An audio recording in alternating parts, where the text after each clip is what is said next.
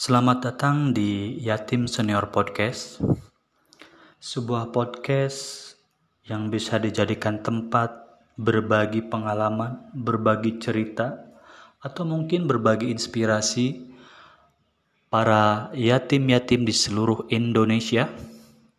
Karena saya yakin banyak sekali orang atau anak yatim di Indonesia ini yang perlu tempat berbagi menceritakan keyatimannya ya? Atau perlu tempat untuk mencari uh, inspirasi bagaimana hidup sebagai seorang yatim? Karena saya sendiri merasakan hidup sebagai yatim itu benar-benar susah berat ya. Apa-apa harus sendiri nggak ada tempat untuk uh, meminta bahkan meminta pendapat untuk sebuah pilihan itu. Itu nasibnya seorang yatim yang nggak punya figur seorang ayah. Sebelumnya perkenalkan nama saya Dira. Uh, udah 27 tahun kayaknya nih saya hidup tanpa figur seorang ayah. Makanya saya menyebut diri saya sebagai yatim senior ya. Perlu diketahui data Kemensos Indonesia bahwa tahun 2013 jumlah anak yatim di Indonesia ini ada sekitar 3.200.000 orang. Bayangkan sebanyak itu ya. Apalagi sekarang setelah 9 tahun, sekarang 2002 atau 2001 ya, berarti 9 tahun bertambah 9 tahun. Saya yakin anak yatim di Indonesia itu bertambah. Karena seperti yang kita tahu, dua tahun ini kan kita diserang covid ya banyak ayah-ayah di luar sana yang meninggal yang meninggalkan anak istrinya sehingga muncullah yatim-yatim baru tapi sebelumnya perlu saya sampaikan di sini bahwa definisi, definisi yatim yang saya percayai ya itu agak sedikit berbeda dengan definisi yatim yang banyak orang ketahui. Menurut saya, definisi yatim yang menyebar di masyarakat itu terlalu sempit. Kan masyarakat taunya yatim itu adalah anak yang ditinggal mati oleh ayahnya, disebutlah yatim. Tapi menurut saya yatim itu definisi, yatim itu lebih lebar atau lebih luas dari itu gitu.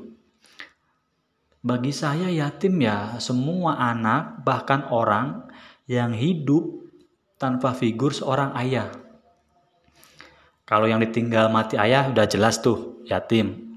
Tapi banyak loh anak-anak di luar sana yang ditinggal ayah tapi dia belum mati. Entah itu karena perceraian atau karena nggak tanggung jawab. Ayahnya kabur aja dari rumah nggak mau ngurusin dia. Atau bahkan ada anak yang ayahnya masih hidup satu rumah, cuman dia nggak ngerasa bahwa figur ayahnya itu signifikan gitu dalam hidupnya, berjarak atau bahkan anaknya itu nggak nganggap bahwa ayahnya ada. Bagi saya itu, itu udah termasuk yatim gitu. Nah, masalahnya eh, topik soal yatim ini masih agak jarang diangkat kayaknya. Ya saya tahu sih banyak lembaga ataupun panti ataupun apalah yang memperjuangkan hidup anak yatim. Cuman dalam perspektif saya lembaga-lembaga itu hanya mengedepankan atau mencoba mencukupi kebutuhan material aja gitu, finansial kayak biaya hidup, biaya sekolah, atau biaya-biaya yang lainnya gitu. Tapi jarang sekali dari lembaga-lembaga itu yang menyediakan atau memberikan eh, kebutuhan mental atau support psikis mungkin ya. Jarang banget ya itu menurut pengalaman saya ya. Padahal anak yatim itu selain butuh biaya hidup itu juga butuh kayak apa ya panutan atau teladan atau seseorang yang dia dia lihat bisa dicontoh lah atau seenggaknya orang yang bisa menunjukkan dia e, hal yang salah hal yang benar seperti apa gitu karena kan kita sering banget yang lihat anak-anak tanpa ayah gitu yang akhirnya hidup di lingkungan yang agak negatif, akhirnya dia memilih jalan hidup yang juga negatif. Yaitu menurut saya karena kekosongan figur seorang ayah plus kekosongan dari orang-orang sekitar untuk mengarahkan anak-anak ini gitu.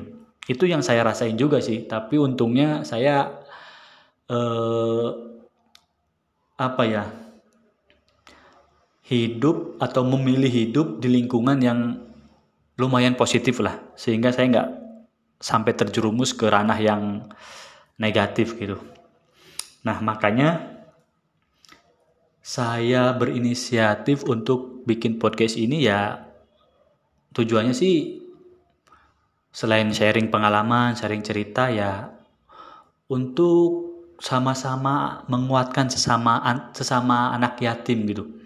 Ya syukur-syukur kalau ada anak yatim di luar sana yang hidup tanpa figur seorang ayah eh, bisa terinspirasi atau seenggaknya bisa menemukan jawaban atas pertanyaan-pertanyaan yang mungkin banyak banget numpuk di kepalanya gitu. Kayak ini saya harus gimana sih mau nanya ke ibu ya dia juga nggak tahu mau nanya ke ayah dia juga nggak punya ayah Nah, mudah-mudahan podcast ini bisa jadi wadah untuk anak-anak yatim termasuk saya eh, berdiskusi atau berbagi apa pun. Mau itu yang positif ataupun yang negatif. Nah, yang negatif ini juga perlu.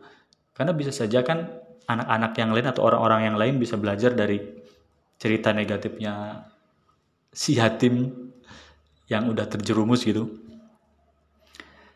Uh, di episode-episode selanjutnya mungkin saya akan uh, memulai dengan kisah saya atau pengalaman saya sebagai seorang anak yatim gitu.